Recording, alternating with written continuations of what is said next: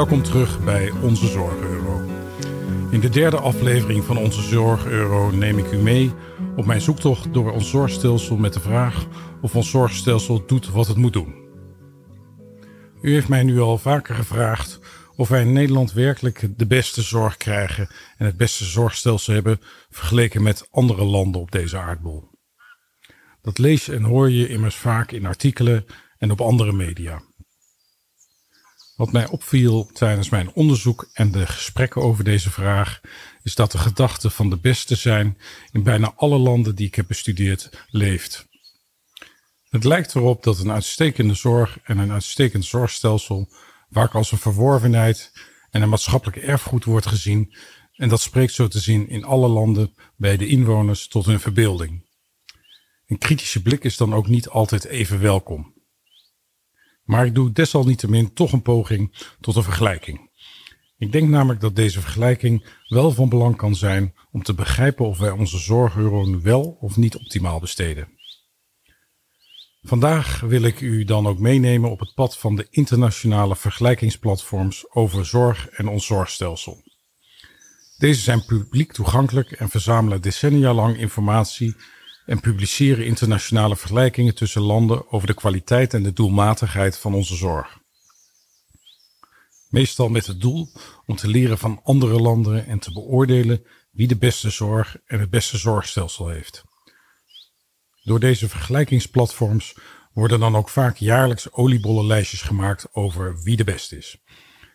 Deze oliebollenlijstjes worden dan weer op hun beurt regelmatig gebruikt door onderzoekers en opiniemakers om onderzoek en opinies kracht bij te zetten voor wat betreft een of andere stelling of mening over het functioneren van de zorg. Genoeg reden om eens wat dieper te duiken in de verzamelde gegevens van deze platforms.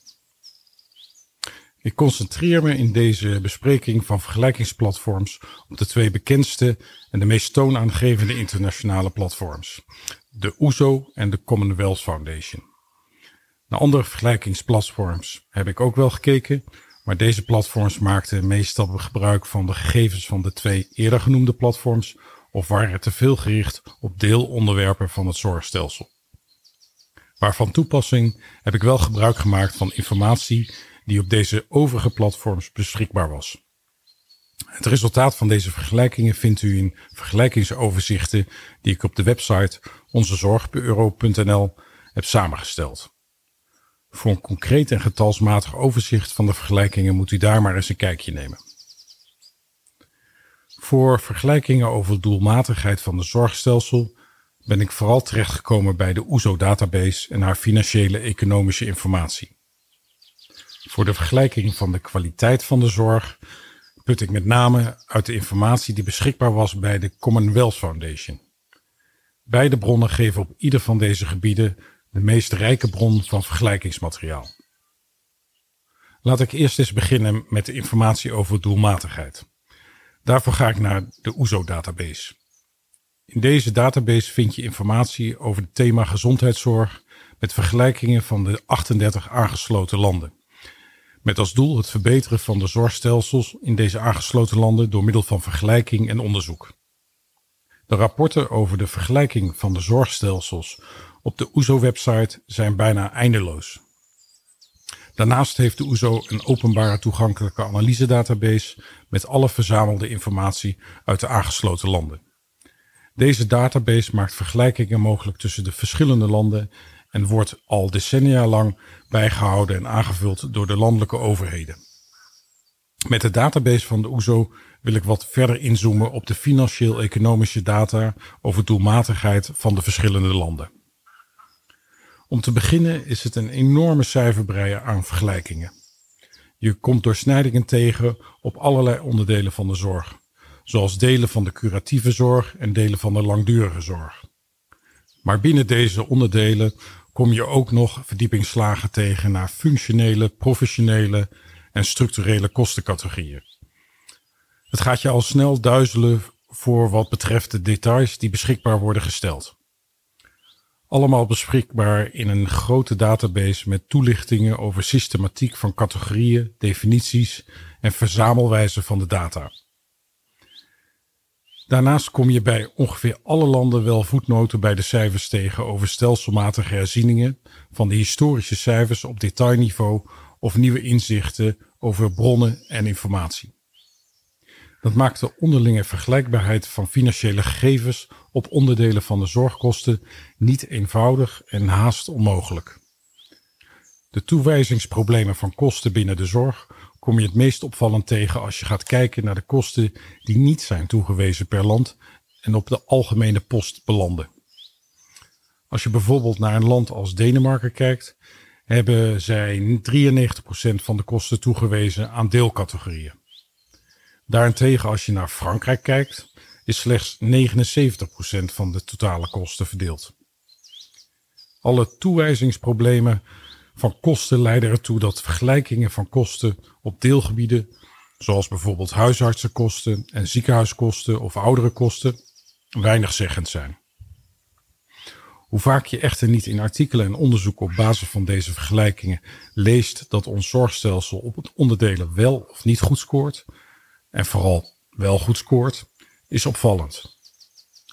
Ik zou echter na het bestuderen van deze gegevens en datasets niet meer veel waarde hechten aan de uitspraken op deze deelonderwerpen. De feitenchecker zou bij deze vergelijkingen al snel in het rood slaan.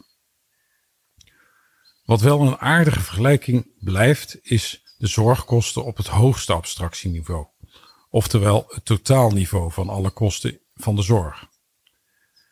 Wanneer je de OESO-cijfers van de tien belangrijkste westerse landen op een rij zet, vallen een aantal zaken op wat dat betreft. De kosten van de landen met een privaat verzekerd zorgstelsel zijn structureel hoger dan de landen waar de verzekering van de zorg publiek is georganiseerd. Daarbij is bij de landen met een privaat verzekerd zorgstelsel het onderwerp cost control uitbesteed aan verzekeraars, terwijl de cost control bij landen met een publiek stelsel in handen is van de maatschappelijke partners. Het lijkt er dus op dat het beheersen van kosten, oftewel cost control, niet een reden kan zijn om een privaat zorgstelsel te hebben. Een conclusie die je ook mag trekken uit de vergelijkingsoverzicht is dat ons zorgstelsel in Nederland een van de duurste is in de wereld en dat het privatisering van de uitvoering niet heeft geleid tot lagere kosten. In de trendanalyses van de totale kosten van ons zorgstelsel zie je dat de afgelopen 30 jaar voor onze zorgstelsel geen opvallende trendbreuken in de kostenstijgingen zijn, behalve in de periode 2014-2016. In die periode heeft de overheid ingegrepen in de voorzieningen voor de langdurige jeugd- en gehandicaptenzorg met een stelselherziening. Iets wat dus niet iets is dat toe te wijzen is aan de uitvoering van ons zorgstelsel. Nederland valt daarnaast in vergelijkingen van zorgkosten op als het gaat om het vergelijken van de kosten met het bruto binnenlands product, het BBP zoals je dat noemt. Nederland heeft een zeer hoog BBP. We zijn dus als land heel welvarend. Daardoor komen we in de vergelijking op basis van onze zorgkosten ten opzichte van het BBP best aardig uit.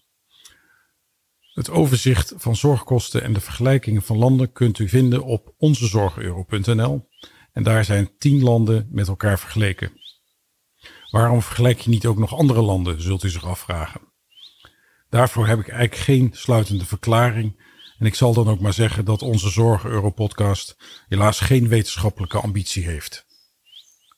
Hier aangekomen wordt het tijd voor een samenvatting voor wat betreft de vergelijking op doelmatigheid van zorgstelsels. Nederland heeft een van de duurste zorgstelsels.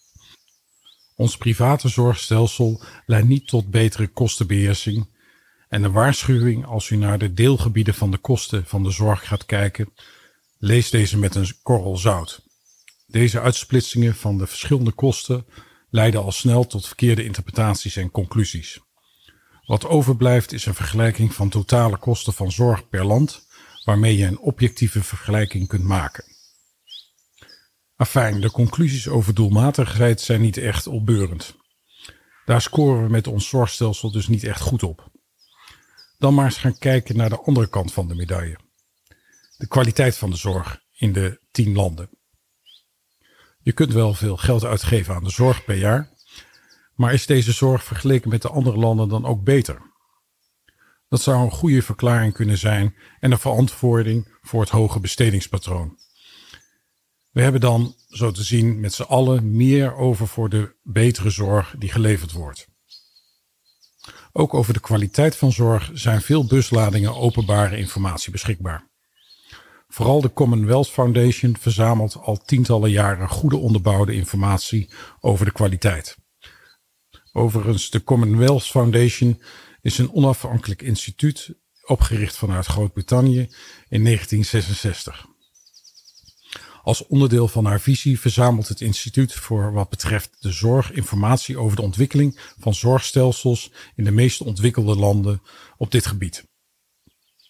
Niet toevallig zitten hier ook de tien landen bij die ik in mijn vergelijkingen heb meegenomen. Laten we eens beter gaan kijken naar de informatie die dit instituut zoal heeft verzameld over kwaliteit van zorg in deze tien landen. Om te beginnen kijken we naar de kwaliteit van de zorg voor wat betreft de gezondheidsstatus van het land en daarnaast de kwaliteit van de zorg in het land die daar wordt geleverd. De gezondheidsstatus van een land kun je aflezen uit de levensverwachting en de omvang van chronische ziektes zoals obesitas, diabetes, hart- en vaatziekten en COPD. Rekening houdend met de relatieve ouderdom van de bevolking kom je dan tot een gezondheidsstatus per land die je kunt vergelijken. Voor een compleet overzicht verwijs ik nogmaals naar de website onzezorgeuro.nl waar die vergelijking is gemaakt. De VS staat zoals verwacht helemaal onderaan de lijst. Canada volgt daarna met een opvallend hoog obesitaspercentage en een relatief jonge bevolking. De Europese landen doen het wat gezondheidsstatus betreft aanzienlijk beter. Echter Duitsland lijkt toch zeker ongezonder dan de omringende landen. Dat lijkt bij Duitsland ook te komen door de relatief oude bevolkingsopbouw van het land. Italië heeft net zoals Duitsland een relatief oude bevolking, maar scores op levensverwachting en chronische aandoeningen zijn daarentegen heel goed. Al met al zou je zeggen dat de zorgkosten van veel Europese landen lager zouden moeten liggen dan in de VS en Canada, gezien hun gezondheidsstatus van deze landen. Bij Duitsland kun je verwachten binnen de Europese context dat de zorgkosten daar hoger liggen door de relatieve ouderdom van de bevolking en de problematiek rondom chronische aandoeningen. Nou, als je dan naar Nederland gaat kijken, bij Nederland valt op in Europees verband dat we een relatief jonge bevolking hebben met relatief weinig chronische aandoeningen. Zonder naar andere variabelen te kijken zou je mogen aannemen dat Nederland in vergelijking met de andere landen, zoals Zweden, Denemarken en Frankrijk, zeker niet meer zorgkosten per hoofd van de bevolking zou moeten maken dan deze landen. Maar misschien is de kwaliteit van onze zorg wel veel beter dan die van de omringende landen en zijn we daarom een stuk duurder. Ook daar valt wel wat informatie over naar boven te halen. Vergelijkingen over kwaliteit worden vooral gemaakt op het gebied van toegankelijkheid van zorg, solidariteit, uitkomst van zorg, het proces van zorg en de administratieve efficiëntie. Als je al deze resultaten en rankings naast elkaar legt, komt hier een beeld uit dat Nederland wat dat betreft zeker niet slecht scoort. Vooral op het gebied van de toegankelijkheid van onze zorg wordt in alle rapporten met een stip op nummer 1 Nederland als de beste genoemd. Daarna volgt het proces van diagnose tot en met behandeling als een beoordeling goed. Over de overige punten valt er nog wat te leren van de aantal andere omliggende landen. Met name de administratieve efficiency scoort slecht. In de vergelijking van de tien landen valt op dat vooral de landen met een competitief marktmodel en een geprivatiseerde verzekeringsmarkt de administratieve efficiëntie achterblijft. Daarnaast zijn er ook indirecte indicatoren over de kwaliteit van de zorg in de tien landen beschikbaar. Daaruit kun je opmaken dat Nederland relatief weinig artsen heeft. Verpleegkundigen daarentegen hebben wij een vergelijkbaar aantal met veel andere landen. Duitsland en Nederland zijn de landen waar patiënten opvallend vaak voor consultatie naar de huisarts of medisch specialist gaan. Bij ons zou dit natuurlijk iets te maken kunnen hebben met onze toegankelijkheid van onze zorg. Dan kun je nog kijken naar de ziekenhuiszorg En daarbij valt op dat wij weinig patiënten opnemen en ontslaan vanuit onze ziekenhuizen. We hebben dan ook relatief laag aantal ziekenhuisbedden per inwoner. Naar de beloning kijkend van onze artsen valt op dat de beloning van onze artsen relatief hoog is vergeleken met andere landen waarin de basiszorg publiek is georganiseerd. Vergeleken met landen waarin de zorg competitie kent, is de beloning voor artsen vergelijkbaar hoog. Samenvattend over de kwaliteit. De kwaliteit van de zorg in Nederland is op een hoog niveau. Wij onderscheiden ons daarbij vooral op zeer hoge toegankelijkheid van onze zorg. Dit is zeker een belangrijke verworvenheid. Wel kun je lezen dat de toegankelijkheid in alle landen onder druk staat door gebrek aan personeel. De concurrentie op de markt, en niet alleen de nationale markt, maar ook de internationale markt, van voldoende en goed zorgpersoneel zal de komende jaren dan ook zeker toenemen. Daarbij valt in Nederland op dat het werk hier door relatief weinig artsen wordt gedaan met relatief hoge beloning. Er lijkt dus een uitdagende spanning te liggen op de werkbelasting van de Nederlandse artsen, die met een hoog inkomen, krapte aan zorgpersoneel en toenemende zorgvraag de verwachte hoge kwaliteit van de zorg in Nederland moet blijven leveren. Wat kun je nu uit al deze vergelijkingen voor conclusies trekken over de besteding van onze zorgeuro? Doen we dat nou goed of valt er nog veel te verbeteren op dat vlak? Om te beginnen vallen er heel weinig conclusies te trekken als je puur gaat kijken naar de kosten. Je kunt wel zeggen dat wij nogal duur zijn in onze zorg, zeker als je ziet dat de gezondheid van onze bevolking relatief goed is en we nog niet zoveel vergrijzing kennen, maar er zijn nog heel veel andere factoren die een rol spelen. Wat ook opvalt is het verschil in zorgkosten tussen landen met een concurrentieel model en de landen die hun zorg meer via publieke organen hebben georganiseerd. In deze landen lijkt de sturing op de zorgkosten beter uit te pakken dan de landen met competitie. Al met al zou ik een voorzichtige voorlopige conclusie willen trekken op basis van alle internationale vergelijkingen. In Nederland halen wij geen financieel aantoonbaar voordeel uit onze marktgerichte aanpak met ons private zorgverzekeringsstelsel. De kwaliteit daarentegen van ons zorg is op grote lijnen wel vergelijkbaar en soms beter dan de zorg in ons omringende landen in Europa. Met deze afsluitende conclusie kom ik alweer aan het einde van deze aflevering. Nu we hebben gekeken naar de internationale vergelijking van het Nederlandse zorgstelsel met andere landen, wordt het tijd om te gaan kijken naar de omvang van de op ons afkomende problemen in de zorg. Kunnen we met de huidige manier van werken rustig doorkabbelen in de zorg? Of vragen de externe problemen die op ons afkomen erom dat we nog eens goed kijken of we met de huidige manier van werken de vraag naar zorg aankunnen? In de volgende aflevering van onze Zorg Euro wil ik dan ook stilstaan bij de demografische bevolkingsontwikkelingen van ons land en in de Europese context. Wat er kan dit gaan betekenen voor de druk op onze zorg? Hoe groot wordt deze druk? En waar kunnen we ingrijpen zodat de druk niet leidt tot maatregelen die onze kwaliteit van de zorg gaat aantasten? Onze zorgeuro kan immers maar één keer worden uitgegeven.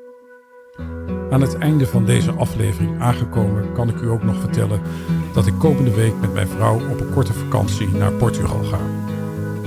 Maar ik heb alvast wat voor u vooruitgewerkt. De achtergrondinformatie voor de volgende aflevering heb ik voor u klaargezet op de website onzezorgeuro.nl. U mag van mij ook verwachten dat er volgende week donderdag een nieuwe aflevering te beluisteren is. Overigens met de titel van de aflevering We zitten met z'n allen in hetzelfde schuitje. Dank voor het luisteren en ik ga nu snel mijn koffers pakken.